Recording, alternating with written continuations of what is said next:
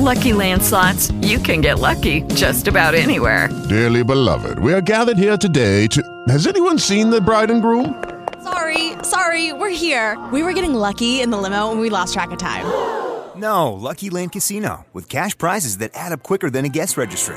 In that case, I pronounce you lucky. Play for free at LuckyLandSlots.com. Daily bonuses are waiting. No purchase necessary. Void were prohibited by law. 18 plus. Terms and conditions apply. See website for details.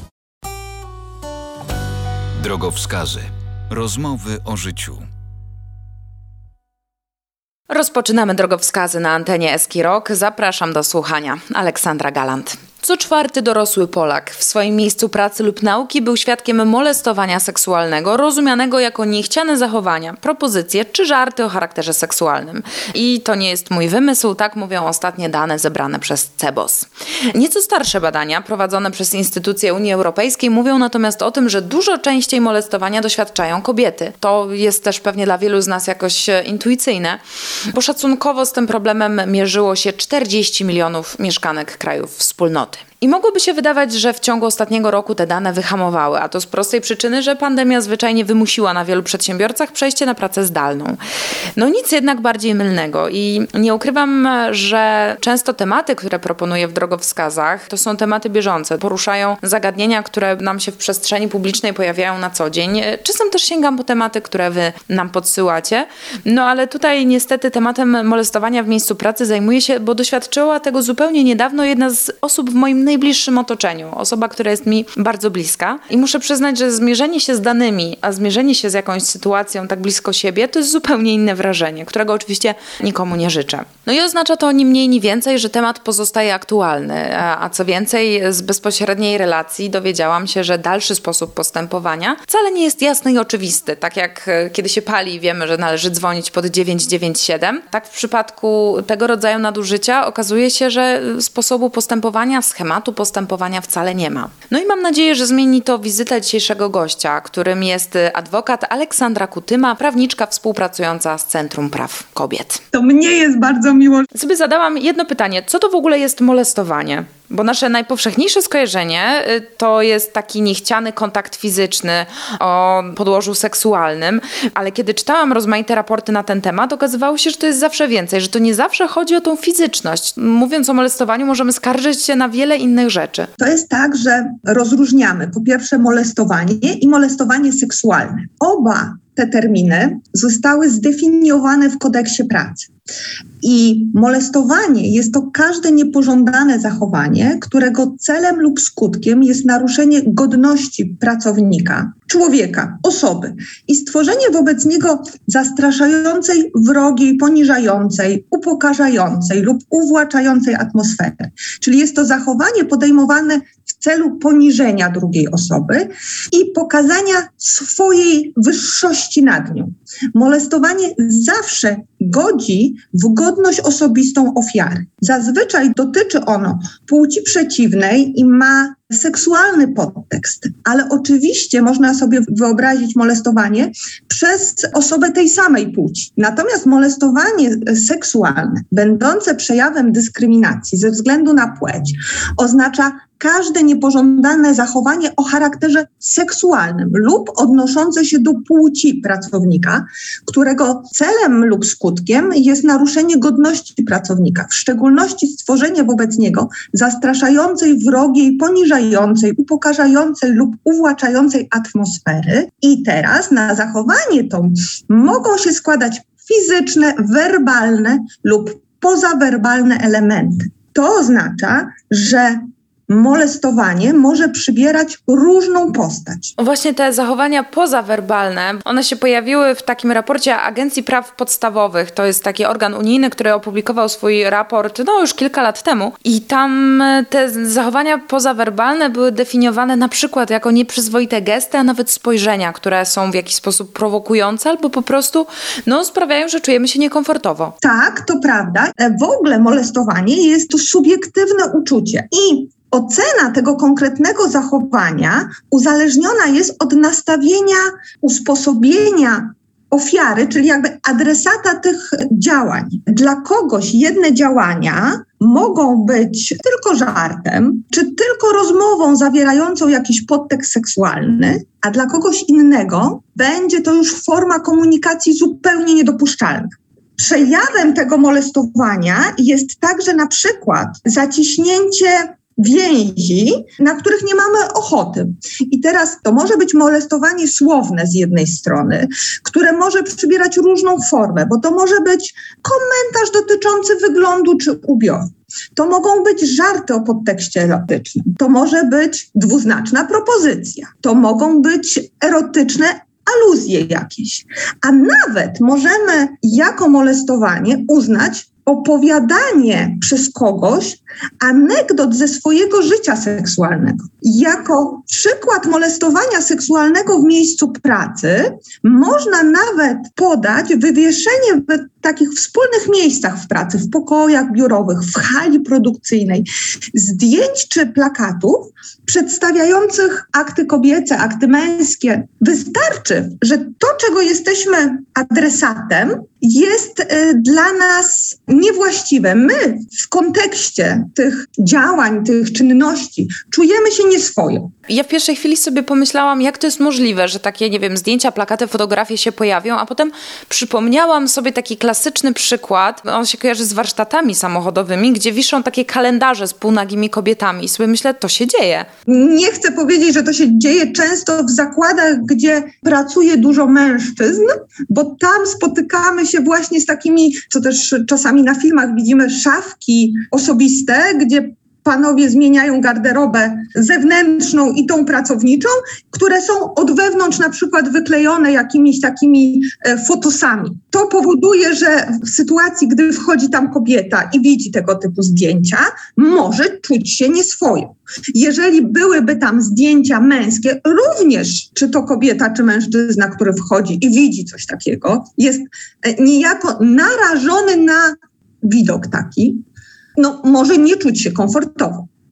Szczególnie jeśli jeszcze do tego, że mamy otwartą szafkę, czy po prostu wywieszony, nie wiem, w pokoju śniadaniowym tego typu plakat, wchodzi pani i na przykład mamy określone spojrzenie czy gwizdy. To wszystko razem składa nam się na formę molestowania. I to w tym przypadku molestowania ze względu na płeć. Pani poruszyła bardzo wiele e, wątków, które ja bym, e, zależałoby mi, żeby je rozwinąć. Na przykład chodziło o te słowa, o te zdania, które się pojawiają, które zawsze można tłumaczyć tym, że to są przecież takie niepozorne historie. Na przykład stwierdzenie, że twoje biodra fajnie wyglądają w tej sukience. No, można powiedzieć komplement, prawda? Tak. I teraz dla jednej pani będzie to oznaczało świetny dzień, bo poczuje się dowartościowana przez kolegę, jeśli akurat to ją dowartościowuje i kompletnie nie zwróci na to uwagi, pójdzie dalej. Ale dla drugiej osoby, która jest być może na tym punkcie z jakiegoś powodu bardziej wrażliwa, to ten przytyk, jak dana pani to odbierze, będzie już formą molestowania. Wszystko tutaj zależy od indywidualnej interpretacji tej ofiary, która jest. Myślę, że to, to jest bardzo warte podkreślenia, że nie intencja tej osoby, która do nas mówi, czy, czy, czy wykonuje jakieś gesty, ale nasz odbiór decyduje o tym, co jest molestowaniem, a co nie. Zdecydowanie tak, dlatego że to jednostka jest molestowana, a nie ogół lud ludności. I teraz nie ogół społeczny w danej grupie, tylko jedna pani, jeden pan. I teraz oczywiście, jeśli mówimy o mm, formach molestowania fizycznego, to tutaj dużo łatwiej jest nam to zdefiniować, dużo łatwiej jest nam rozpoznać, że pewnych zachowań fizycznych nie akceptujemy.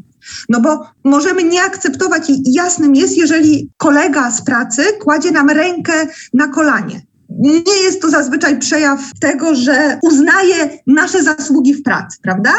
Tylko raczej ma jakiś taki podtekst erotyczny. To nam jest łatwiej rozpoznać. Głaskanie po plecach, to, że ktoś nam położy rękę na pośladku, to wszystko jest czytelne.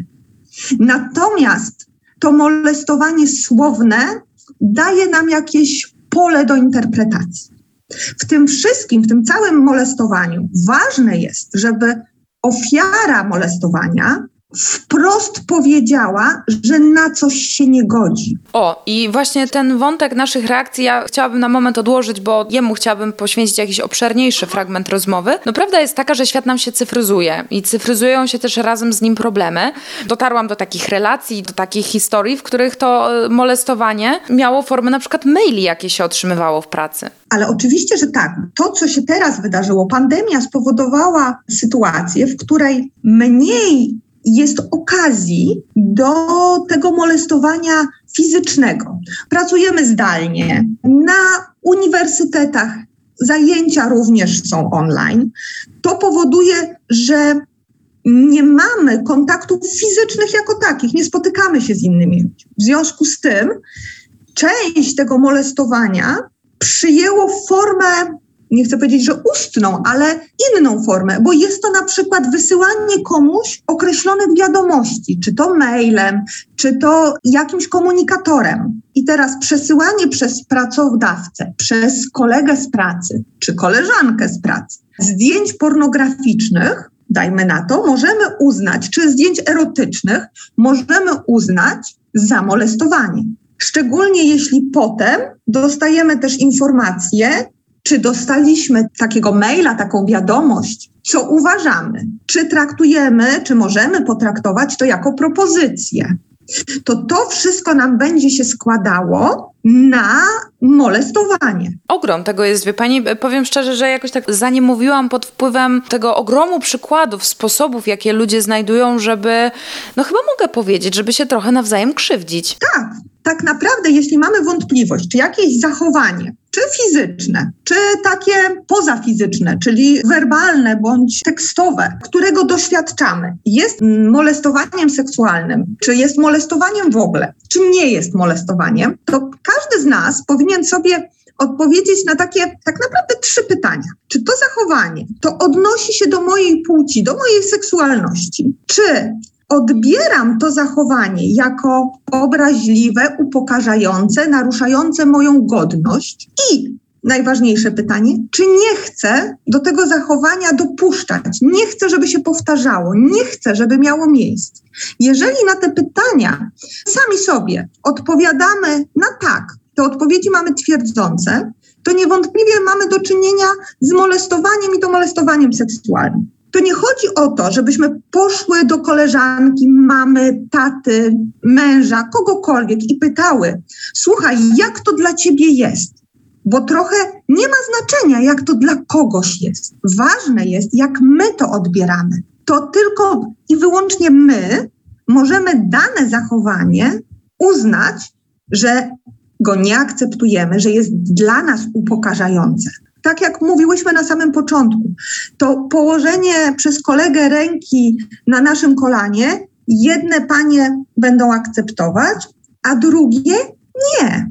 To, że ktoś opowie coś przy nas, jednym będzie pasowało, a drugim nie, będzie ich krępowało i dana osoba będzie się czuła niekomfortowo w tej sytuacji. W tym wszystkim trzeba tylko pamiętać, że jeśli trafimy do sądu, to sąd będzie analizował, czy nasze odczucia mają obiektywną podstawę, czyli będzie badał konkretne zdarzenie i fakty, które były przyczyną naszych odczuć, bo jedne osoby są bardzo wrażliwe, jedne są mniej wrażliwe, część osób jest nawet przewrażliwiona. Ta właśnie wrażliwość jest taka bardzo chyba zwodnicza, bo z jednej strony są ludzie, którym pewnie łatwo wmówić, że przesadzasz, nie rób sceny, nie dramatyzuj, a z drugiej strony być może są osoby, które muśnięcie w przejściu, w korytarzu już, już jest jakieś, powiedziałabym, nadużywające. Myślę, że daną sytuację w ogóle trzeba obserwować, bo te sytuacje, których doświadczamy, których nasze klientki doświadczają, one postępują, one są rozwojowe. Najpierw zaczynamy od jakiegoś żarciku, który oczywiście ofiara tłumaczy sobie. Z tego żarciku robią się częstsze żarciki, albo te żarciki zmieniają się w jakieś propozycje. Z jednej propozycji, która jest brzmiąca niewinnie, rodzi się potem propozycja, która jest na przykład dana już wprost.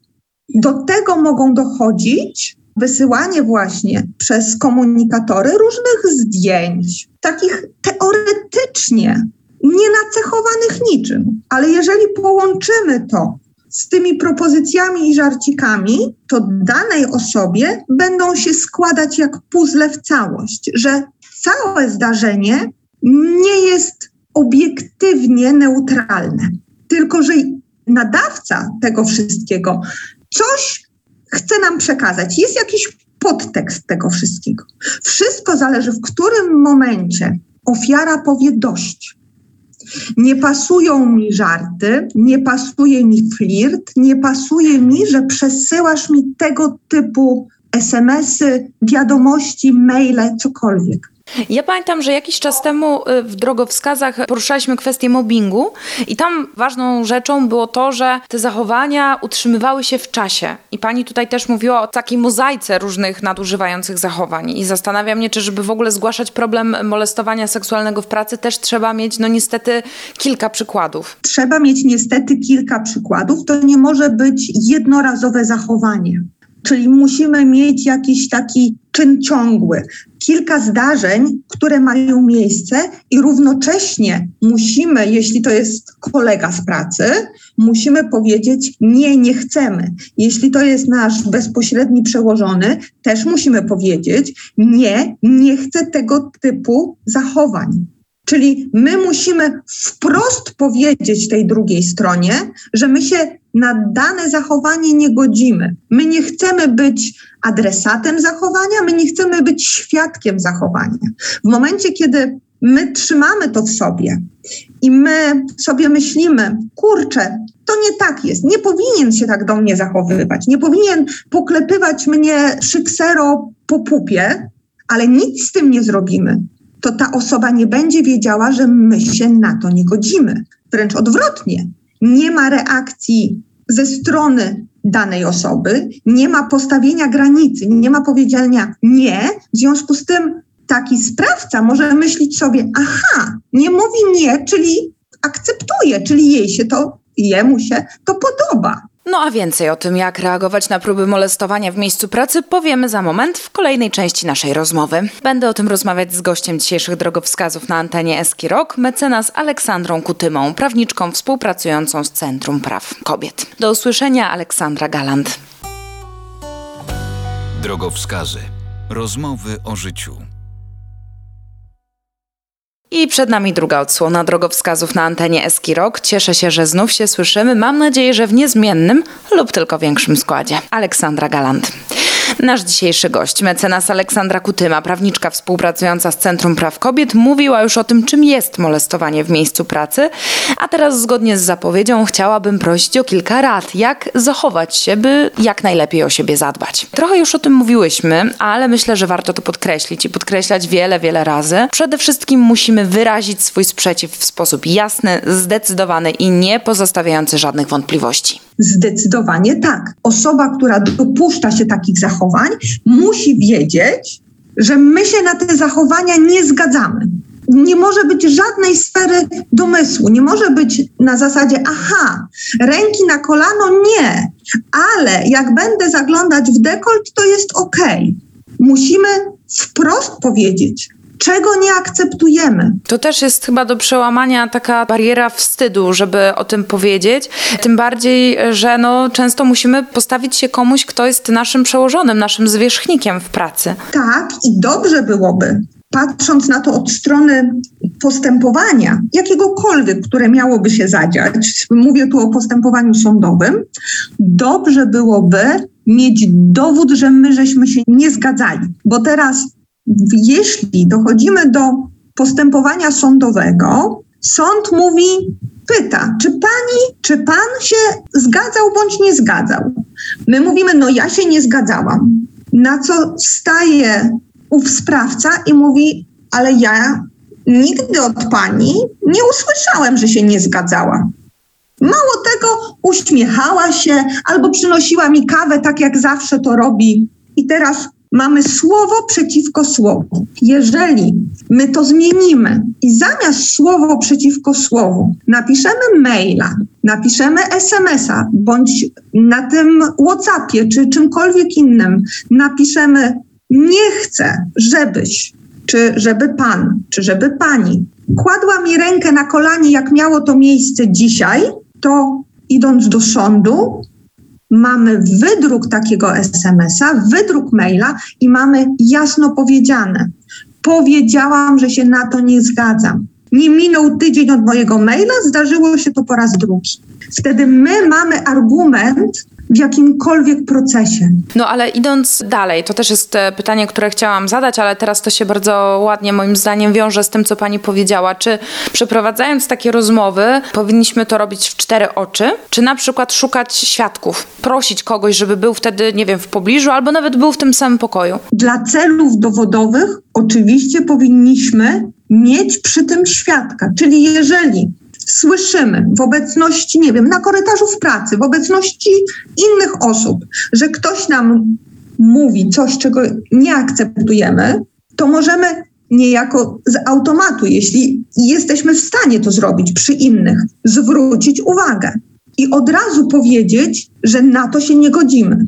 Natomiast trudno będzie osobie, która jest ofiarą, takie coś przy innych osobach zrobić. Czyli trudno będzie powiedzieć, zwrócić uwagę, szczególnie jeśli mówimy o przełożonym, bo musimy pamiętać, że molestowanie seksualne w pracy nie dotyczy tylko przełożony, podwładny, ale mówimy też o sytuacji koleżeńskiej, czyli jesteśmy na tym samym poziomie w pracy zawodowym i molestuje nas kolega albo molestuje nas ktoś, kto jest szefem innego działu albo pracownikiem innego działu. To nie musi być tylko sytuacja przełożony podwładny. Pamięć ludzka jest zawodna, szczególnie w sytuacjach konfliktowych. Gdy wydaje nam się, że jeśli będziemy świadkiem czyjegoś zdarzenia, to to może się odbić na naszej sytuacji zawodowej. W związku z tym zwrócenie uwagi przełożonemu w obecności innych pracowników, którzy nadal będą pracować w danym podmiocie i liczenie na to, że oni po roku czy dwóch, kiedy staną przed sądem, będą pamiętać o tym zdarzeniu, może w niektórych przypadkach być po prostu naiwne. Wysłanie maila powoduje, że jesteśmy niejako anonimowi, bo mail trafia tylko i wyłącznie do danej osoby, chyba że w kopii ukrytej wyślemy jeszcze komuś, ale to już od nas zależy, komu przesyłamy. I mamy niezbity dowód na to, że postawiliśmy granice. Gdzieś też znalazłam takie wskazówki, żeby osoby, które no, doświadczają, są ofiarami molestowania, molestowania seksualnego w pracy, żeby one sobie prowadziły taki, no nie chcę powiedzieć dzienniczek, ale żeby sobie notowały i to z taką dokładnością, kiedy coś się działo, gdzie się coś działo, bo zdaje się, że osoby, które dopuszczają się takich zachowań, w wielu przypadkach nie mają oporu, żeby się wypierać. Oczywiście, że tak, nawet bym powiedziała nie tylko kiedy, gdzie, ale też co się stało, w jakich okolicznościach miało to miejsce i kto był tego świadkiem, jeżeli jacyś świadkowie byli. Taki dzienniczek, chyba tak to na, musimy nazywać, niewątpliwie będzie dla nas e, źródłem cennych informacji. Natomiast to nie może być tylko i wyłącznie taki dzienniczek nasz, gdzie my sobie piszemy, że coś się wydarzyło raz, drugi, wydarzyło się coś jeszcze, bo mamy eskalację tych zachowań, a nie stawiamy granic osobie, która się tego dopuszcza. Ja będę to pewnie podkreślać, ale jest to ważne, że druga osoba musi wiedzieć, że my się na to nie godzimy. I sam dzienniczek nie pomoże nam w postępowaniu sądowym, jeśli nie będziemy mieć tak naprawdę dowodów na to, że druga strona była poinformowana o tym, że my się nie godzimy na określone zachowanie. Rozmawiałyśmy o tym, że no, temu człowiekowi, tej osobie, która dopuszcza się wobec nas jakichś zachowań, których nie akceptujemy, trzeba o tym powiedzieć, no bo tak mi się wydaje, że chyba takie myślenie y, na przeczekanie, że to może minie, że on przestanie to robić, chyba nie ma racji bytu, chyba nie ma podstaw, żeby w coś takiego wierzyć. No chyba, że liczymy na to, że w danym podmiocie zostanie zatrudniona nowa koleżanka, e, na którą zostaną przerzucone uczucia, emocje w związku z tym i różne zachowania danej osoby. Natomiast ja bym na to nie liczyła. Tak naprawdę my sami musimy podjąć obronę nas samych. Nikt tego za nas nie zrobi. I tutaj kolejna rzecz, bo do tej pory rozmawiałyśmy o tym, że powiadomić tę osobę, która no, dopuszcza się tych nieakceptowanych zachowań. I kiedy przychodzi taki moment, że trzeba iść już dalej, powiadomić kierownika działu, powiadomić dyrektora. Wiem, że w wielu przedsiębiorstwach, nawet nie wiem, czy to nie jest jakiś ustawowy obowiązek, działają takie komisje antydyskryminacyjne czy antymobbingowe i też zastanawiam się, czy one oferują realną pomoc, czy to jednak trochę działa w ten sposób, że to są wszystko ludzie, którzy się znają, być może od wielu lat pracują razem w jednej firmie. To pewnie wszystko zależy od, e, od danej firmy, od danego podmiotu, jak to jest tam zorganizowane, jak to działa faktycznie, jak to działa i czy działa w ogóle, czy tylko mamy jakiś podmiot fasadowy tak naprawdę. Natomiast kiedy ta lampka powinna nam się zapalić, że coś powinniśmy jeszcze zrobić, no w momencie, kiedy dzieją się te nieakceptowalne przez nas zdarzenia, my mówimy o tym, że one się dzieją i my mówimy tej osobie, że my się na to nie godzimy. I to się powtarza raz, drugi, trzeci, jeśli jeszcze eskaluje to już w ogóle, powinniśmy w tym momencie pójść do przełożonego i powiedzieć, że takie sytuacje mają miejsce. Czyli idziemy niejako na skargę albo na bezpośredniego przełożonego, albo na przełożonego równorzędnego działu, albo na kolegę z pracy czy koleżankę. Wtedy tak naprawdę składamy taką skargę ta skarga, którą składamy, ona powinna być po pierwsze złożona na piśmie, a po drugie, my powinniśmy mieć kopię tej skargi i na niej potwierdzenie, że takie coś złożyliśmy, że taka skarga wpłynęła do pracodawcy. I teraz, jeśli mamy coś takiego, to po stronie pracodawcy leży obowiązek poczynienia czegoś, zdyscyplinowania pracownika, żeby dane zachowania w miejscu pracy już nie miały miejsca. Tutaj trzeba pamiętać, że pracodawca też ponosi odpowiedzialność karną również wtedy, gdy to nie on molestował, ale dopuścił się tego rodzaju patologii w podległym sobie miejscu pracy. W świetle artykułu 218 kodeksu karnego osobie wykonującej czynności w sprawach sprawa pracy i ubezpieczeń społecznych, która złośliwie lub uporczywie narusza prawa pracownika, grozi grzywna, kara ograniczenia wolności albo pozbawienia wolności do lat dwóch. I teraz tym uporczywym, a nawet złośliwym naruszeniem prawa pracownika jest na przykład tolerowanie w danym podmiocie oznak dyskryminacji ze względu na płeć, przymykanie oczu na to molestowanie seksualne, przymykanie oczu na te wiszące plakaty z aktem kobiecym, w miejscu dostępnym dla wszystkich pracowników, jeśli jakiś pracownik się na to skarży. Pani jest prawniczką, pani jest w tym świecie, pani jest do tego przyzwyczajona, ale ja tutaj znowu za nim mówiłam w takim poczuciu, że wszystko, co robimy, musimy sobie potwierdzać, udowadniać, mieć na papierze. Mimo, że to jest nasze miejsce pracy, prawdopodobnie miejsce, w, w, którym jesteśmy od jakiegoś czasu, gdzie się znamy, gdzie wydaje nam się, że mamy znajomych, kolegów, jakieś dobre relacje z przełożonymi, mimo wszystko, na wszystko musi mieć papier. Ja powiem tak, moje doświadczenie zawodowe wskazuje na to, że my będziemy bronić kolegi, czy koleżanki, pod warunkiem, że w żaden sposób nie będziemy czuć, że to zagraża nam. Jeżeli jeszcze w obecnych czasach, kiedy dużo osób jest zwalnianych i traci zatrudnienie, mamy poczucie, że jeśli staniemy za tą molestowaną osobą, za tą ofiarą, ale tym samym narazimy się naszemu zwierzchnikowi, to my tego po prostu nie zrobimy. I my staniemy w sądzie i powiemy: Nie pamiętam. Upłynął rok, nie pamiętam, nie przywiązywałem do tego wagi. Bo nasze sprawy, szczególnie jeśli jeszcze jesteśmy obłożeni kredytami, mamy dzieci na wychowaniu, to te nasze sprawy będą bardziej nasze i one nas będą powstrzymywać przed pewnymi zdarzeniami, przed pewnymi naszymi samymi zachowaniami, które w innych warunkach byśmy podjęli.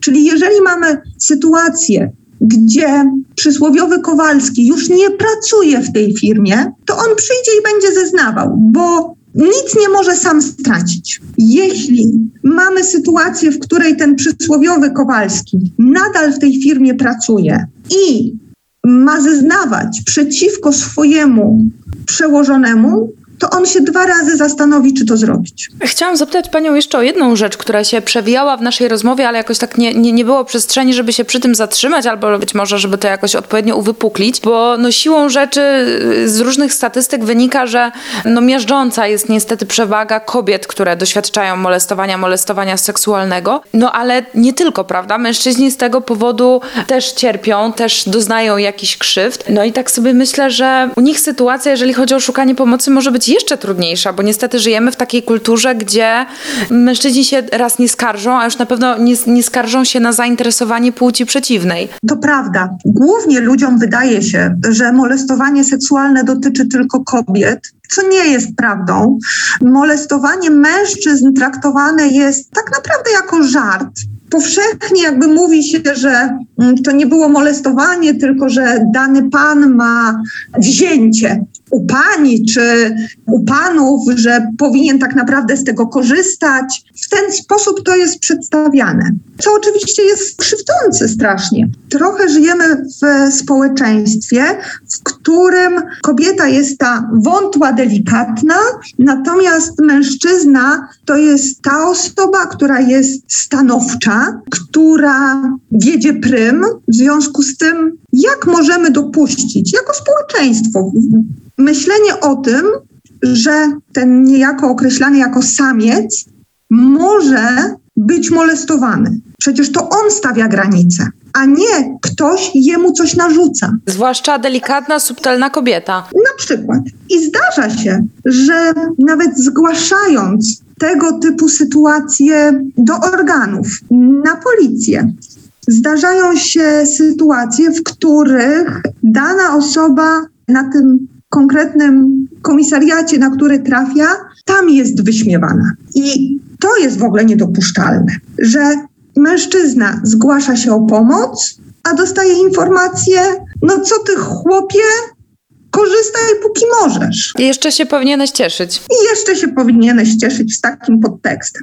Wtedy e, ci panowie po prostu e, potrzebują wsparcia psychologicznego. Tak sobie myślę, że o tym też warto powiedzieć, że niezgłoszenie się po pomoc no może mieć też dla nas takie konsekwencje psychiczne, prawda? To co ważne, to chyba trzeba podkreślać, że to nie ofiara jest winna i że ofiara nie ma się tutaj czego wstydzić. I w tym rozumieniu nie ma się czego wstydzić, nie ma też się wstydzić proszenia o pomoc. Jeżeli to molestowanie było w miejscu pracy, taką jednostką, podmiotem, do którego można się zgłosić, jest Państwowa Inspekcja Pracy. I do niej pracownik może się zgłosić i prosić o pomoc, powiadomić o tym, że takie i takie zachowania w jego pracy, w jej pracy mają miejsce i dana osoba się na to nie, nie godzi. Dodatkowo ofiara może też wystąpić na drogę sądową, czy to w procesie karnym, czy to w procesie cywilnym.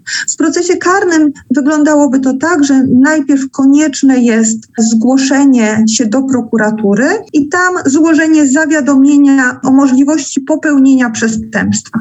Natomiast w postępowaniu cywilnym, no to tutaj trzeba byłoby złożyć pozew do sądu o naruszenie dóbr osobistych i godności. Myślę, że za nami bardzo ważna część tej rozmowy. Proponuję złapać oddech i za moment wracamy z trzecią częścią naszego spotkania, w której porozmawiamy o drodze prawnej, o której już przed momentem parę słów padło. Porozmawiamy też o tym, jak sobie pomóc. No i przede wszystkim raz jeszcze podkreślimy, dlaczego warto to robić. Waszym i moim gościem w dalszym ciągu będzie adwokat Aleksandra Kutyma, prawniczka współpracująca z Centrum Praw Kobiet kobiet. Do usłyszenia w drogowskazach w SC Rok. Aleksandra Galant. Drogowskazy. Rozmowy o życiu. No i czas na finał dzisiejszych drogowskazów w SC Rock. Zapraszam do słuchania Aleksandra Galant. W naszym radiowym, w dalszym ciągu wirtualnym studiu gości dziś adwokat Aleksandra Kutyma, prawniczka współpracująca z Centrum Praw Kobiet, która powiedziała już sporo o molestowaniu seksualnym w miejscu pracy. Między innymi, co moim zdaniem bardzo istotne, o tym, jak na nie reagować. To jest chyba też dobry moment, e, żeby przywołać dane, które ja znalazłam. Wydaje mi się, że dosyć niepokojące, jeżeli chodzi o to dochodzenie swoich praw. Trudno mi jest powiedzieć, czy te dane dotyczą dokładnie tych spraw, o których pani mówiła, ale to są co prawda dane za rok 2019 i wtedy w pierwszych trzech kwartałach do rozpatrzenia w sądach rejonowych było 18 spraw 14 złożonych przez kobiety, 4 dotyczące mężczyzn, o odszkodowanie w związku z molestowaniem seksualnym jako y, jedną z form dyskryminacji w pracy. Ja to sobie oczywiście uogólniłam jako sprawy, które w ogóle trafiły do sądu, ale wydaje mi się, że to jakoś tak, no znowu, przerażająco mało. To znaczy, z jednej strony moglibyśmy się cieszyć, że być może te, te, ten problem jest jakiś marginalny, ale wydaje mi się, że bardziej chodzi o to, że tej pomocy trochę jednak boimy się szukać w sądzie. Moim zdaniem problem nie jest marginalny. Te statystyki, które pani przywołała, one pokazują, pokazują nam tylko, w moim odczuciu, że z tym problemem my nie idziemy do sądu. One nie pokazują, że to zjawisko nie ma miejsca, bo z takimi sytuacjami panie z racji e, Centrum Praw Kobiet, więc panie, zgłaszają się do fundacji. One się zgłaszają tak naprawdę po pomoc psychologiczną. Pomoc prawną w zakresie tego, co one mogą zrobić, jak najbardziej tak, ale one nie czują się na siłach, żeby to, co je spotkało, mówiąc kolokwialnie, wywlekać na światło dzienne. One najczęściej znoszą dane zachowania, a jeżeli dane zachowania już tak nabrzmiały, że one nie są w stanie tego znieść, to one zmieniają uczelnię, zmieniają pracę, ale nie podejmują walki same o siebie. I teraz ta pomoc psychologiczna, nie wiem, czy nie jest tu ważniejsza od tej pomocy prawnej, bo żeby stanąć w sądzie i bronić swoich praw, to potrzebna jest, jest też wiara w siebie, w swoją sprawczość i taka wewnętrzna siła. No tak, a w nas chyba pokutuje jednak takie przeświadczenie, że pójście do sądu oznacza przeciąganie tej sprawy w miesiące, w lata, zwłaszcza jeżeli trafimy na człowieka, który będzie stosował różne zagrywki, będzie się wypierał. No i po pierwsze, jesteśmy w środku tego sądowego zamieszania, a po drugie, no nie wiem, czy nie przesadzam ze słowami, ale to przeżywanie traumy się przedłuża, bo temat nie jest zamknięty, tylko się ciągnie. Oczywiście, że tak, a dodatkowo jeszcze nie mamy tych dowodów, o których rozmawiałyśmy wcześniej. Czyli liczyłyśmy na Kasię, Krysię, Anię, a one powiedziały nam: Sorry, mam kredyt, mam dziecko, nie dam rady, sama mam rozwód. Nie, nie mogę mieszać się w Twoją sprawę, nie mogę stracić pracy. Nie mamy naszych maili wobec tej osoby, że na dane słowa, na dane zachowania fizyczne się nie zgadzamy i tak naprawdę taka ofiara siada i mówi, ale z czym ja mam pójść do tego sądu? Mam moje słowo, przeciwko jego słowom. No i jeszcze jest taka kwestia, że mnie to uderzyło, bo na własne oczy zobaczyłam, jak bliska mi osoba, która doświadczyła czegoś takiego, momentalnie weszła w taki tryb myślenia, że to może jednak jest jej wina, że może się ubierała wyzywająco, że może jakoś prowokowała. Mnie to bardzo zastanowiło, mnie to bardzo uderzyło, że to się pojawiło tak błyskawicznie. Dlatego też wspominałam wcześniej o tym wsparciu psychologicznym, żeby właśnie tego typu obarczanie winą samego siebie nie miało miejsca, bo to nie ofiara jest winna, winnym jest sprawca. Taka rzecz, która wydaje się najbardziej oczywista na świecie, kiedy się patrzy z boku, ja odkryłam, że z innej perspektywy nagle przestaje być oczywista. Nagle się zaczyna w to powątpiewać, podważać i, i zaczęłam się naprawdę zastanawiać, chociaż rzeczywiście wiem, że to jest pytanie pewnie do, do psychologów, skąd bierze się to szukanie winy w sobie w tak jednoznacznej sytuacji? Ja może powiem inaczej. Taką najbardziej skrajną formą molestowania tego fizycznego jest gwałt. I teraz proszę popatrzeć, jak my, my wszyscy mówimy, ona została zgwałcona. Nie on zgwałcił z tego naszego patrzenia na tą, na tą sferę, potem w ofiarach rodzą się takie, a nie inne wątpliwości. Więc my na co dzień musimy zmienić swoje postrzeganie, musimy zmienić swoją formę wypowiedzi. I wtedy może tym ofiarom będzie po prostu łatwiej łatwiej zawalczyć o siebie. Rzeczywiście, to jest bardzo taki obrazowy przykład, jak pani powiedziała. To jest strona bierna, prawda? Ona została zgwałcona. Tak, mówimy na co dzień. We wszystkich przekazach e, medialnych też mamy informacje o tym, że jakaś pani została zgwałcona. Chciałabym jeszcze na moment wrócić do tego sądu i tak sobie myślę, że akurat w przypadku molestowania seksualnego może pojawiać się obawa, że szukając innej pracy, gdzieś tam będzie za nami szła taka etykietka, że aha, to jest ta, która się ciąga y, z pracodawcami po sądach? To pewnie zależy od tej małej społeczności, w której żyjemy, bo żyjąc w dużym mieście, w Warszawie, w Krakowie, w Gdańsku, my jesteśmy mniej więcej anonimowi. Natomiast jeżeli mówimy o jakiejś małej społeczności, w małym miasteczku, gdzie praktycznie każdy każdego zna, to wtedy faktycznie ta łatka może być przyklejona i wtedy taka ofiara woli nie sądzić się, woli nie walczyć o swoje prawa, natomiast po prostu zmienia pracę, wyjeżdża z miasteczka, w którym mieszkała bo nic innego nie może zrobić. Ona po prostu ucieka. Gdzie jeszcze możemy zgłosić taki problem? Gdzie jeszcze możemy szukać pomocy? Myślę o różnych organizacjach pozarządowych, może takich działających na rzecz pracownika. No oczywiście jest Centrum Praw Kobiet. Z instytucji państwowych, no to mamy tą Państwową Inspekcję Pracy, mamy prokuraturę, mamy sąd cywilny, gdzie możemy szukać pomocy, czy sami, czy z pomocą prawnika. Natomiast wszelkie fundacje, które są, takie fundacje jak Centrum Praw Kobiet, w nich ofiary pokrzywdzone molestowaniem seksualnym i molestowaniem tak naprawdę szukają pomocy. Panie, które zgłaszają się do Centrum Praw Kobiet, one nie wskazują na inne podmioty państwowe, które chciały im pomóc. Więc tak naprawdę trzeba byłoby zgłaszać się do fundacji i tam zazwyczaj dostaje się pomoc albo dana fundacja, jeśli danym zagadnieniem się nie zajmuje, przekierowuje do, do podmiotu, który taką pomoc jest w stanie e, dać. Podjęcie jakiegoś działania, czy zwrócenie uwagi, że to, co się dzieje, nam nie odpowiada, czy szukanie pomocy w, w organizacjach pozarządowych, czy pójście do sądu, to są też takie kroki, które mają, no nie chcę powiedzieć, że walor edukacyjny, ale które na pewno jakoś wpłyną na nasze otoczenie, bo po pierwsze, ta osoba, która dopuszcza się molestowania, chyba będzie miała poczucie, że jednak nie jest bezkarna, mimo na przykład kierowniczego stanowiska, a po drugie, ludzie w naszym otoczeniu, nasi współpracownicy, współpracownicy, koledzy widzą, że można coś robić, że można mieć taką siłę w sobie, że można działać i widzą konkretne przykłady tego działania. Co do drugiej części Pani wypowiedzi, że widzą koledzy, na pewno tak. W tym zakresie na pewno y, mamy jakąś nutkę edukacji, że danych zachowań nie można, ani nie, nie możemy my, ani wobec nas. Natomiast czy dany pracodawca też wyciągnie takie wnioski, tu bym była ostrożna, szczególnie jeśli te postępowania w sądzie trwają i trwają.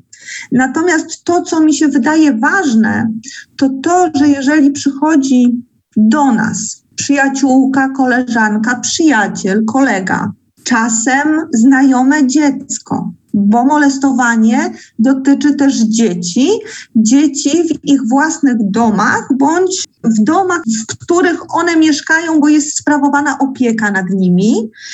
Przychodzi i mówi nam coś takiego, że ktoś coś zrobił albo robi, że to nie do końca mu pasuje, jej pasuje. To nie bagatelizujmy tego. Nie mówmy, a przesadzasz.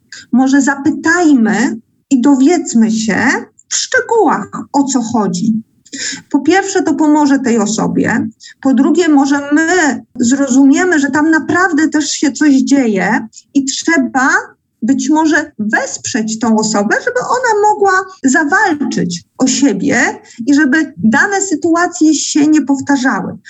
Myślę, że to jest ważne, że my nie powinniśmy bagatelizować takich informacji które do nas docierają. Pani właśnie poruszyła ten wątek, o który nie zahaczyłyśmy, tego otoczenia, które może już nie, nie zawodowego, tylko tych właśnie przyjaciół, bliskich, rodzinek, którzy się orientują, że coś jest nie tak i też być może nie, nie wiedzą, jak zareagować. Przede wszystkim powinny wysłuchać. Może od, od tego powinniśmy e, zacząć, że powinniśmy się nawzajem słuchać, bo e, teraz każdy z nas ma e, mnóstwo rzeczy na głowie swoich, swoje problemy i my tak biegniemy, biegniemy do przodu. Ktoś nam coś z boku mówi, my to jednym uchem wpuścimy, drugim wypuścimy i biegniemy dalej, a może warto po prostu przystanąć i wysłuchać i jak nawet nie wiemy, co zrobić, to pomóc tej osobie w ten sposób, że coś przeczytamy, coś wyszperamy w tym internecie i coś będziemy w stanie podpowiedzieć. No tak jak mówiłam, ta godzina naszej rozmowy mnie przynajmniej jakoś tak prawie, że niezauważalnie minęła. Bardzo.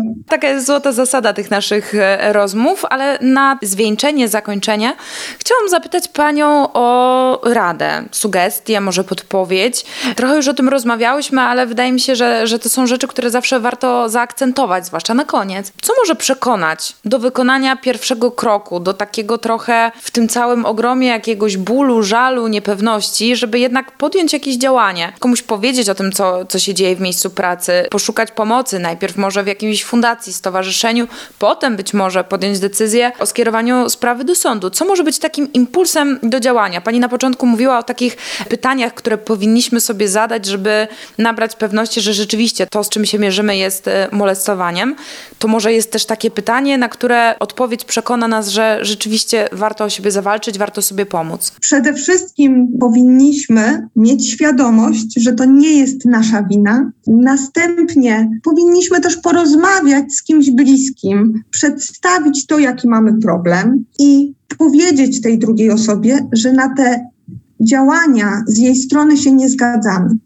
Jeżeli to wszystko nie przynosi rezultatów, te działania nadal są, to wtedy, tak jak rozmawiałyśmy dzisiaj, trzeba zacząć spisywać to, co się dzieje, trzeba zebrać dowody, które mamy, bo na pewno te dowody mamy, tylko musimy sobie uzmysłowić sami, co tymi dowodami w danej sprawie jest. I pójść e, do prokuratury, złożyć zawiadomienie o możliwości popełnienia przestępstwa. Takie zawiadomienie możemy złożyć na piśmie, co będzie łatwiejsze, bo napisze się je samemu w domu albo z pomocą przyjaciółki, mamy, taty, być może prawnika. I gotowe już, napisane zawiadomienie z załącznikami jako dowodami możemy wysłać listem poleconym albo po prostu złożyć na biurze podawczym w prokuraturze i sprawa zacznie się dziać. Będziemy mieć poczucie, że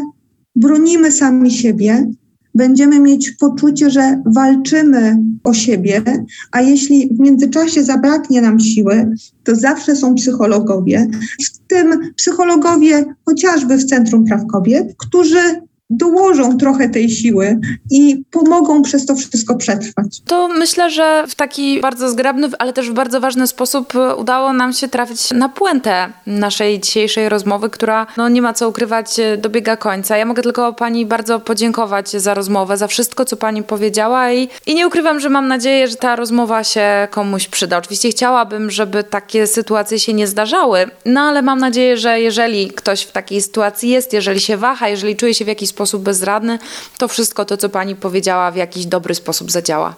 Ja również dziękuję za naszą rozmowę.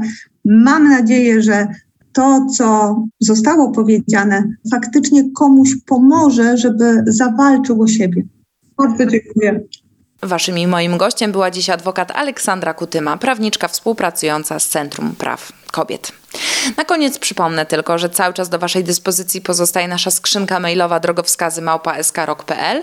Polecam też zaglądać na naszego drogowskazowego Facebooka, gdzie pojawiają się regularnie informacje o tym, co dzieje się w naszych programach. No a jeżeli ktoś jakąś audycję przegapił albo do jakiejś chciałby wrócić, to może to zrobić e, szukając podcastów, szukając zapisów rozmów na YouTubie, na Spotify, a także na stronie naszego radia, na stronie Eski Rock. To już jest naprawdę koniec naszego dzisiejszego spotkania. Mogę tylko jak zwykle powiedzieć, że mam nadzieję, że słyszymy się już niedługo. Aleksandra Galant. Drogowskazy. Rozmowy o życiu. Hey guys, it is Ryan. I'm not sure if you know this about me, but I'm a bit of a fun fanatic when I can. I like to work, but I like fun too. It's a thing. And now the truth is out there. I can tell you about my favorite place to have fun Chumba Casino. They have hundreds of social casino style games to choose from, with new games released each week. You can play for free anytime, anywhere. And each day brings a new chance to collect daily bonuses. So join me in the fun. Sign up now at chumbacasino.com. No purchase necessary. Group. Void were prohibited by law. See terms and conditions. 18 plus.